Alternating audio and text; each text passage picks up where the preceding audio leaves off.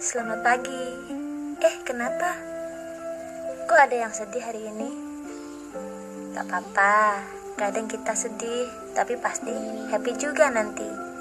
Dinikmatin aja dulu, disyukuri rasa ini, biar nanti waktu bahagia lebih berarti. Bunga 27 Februari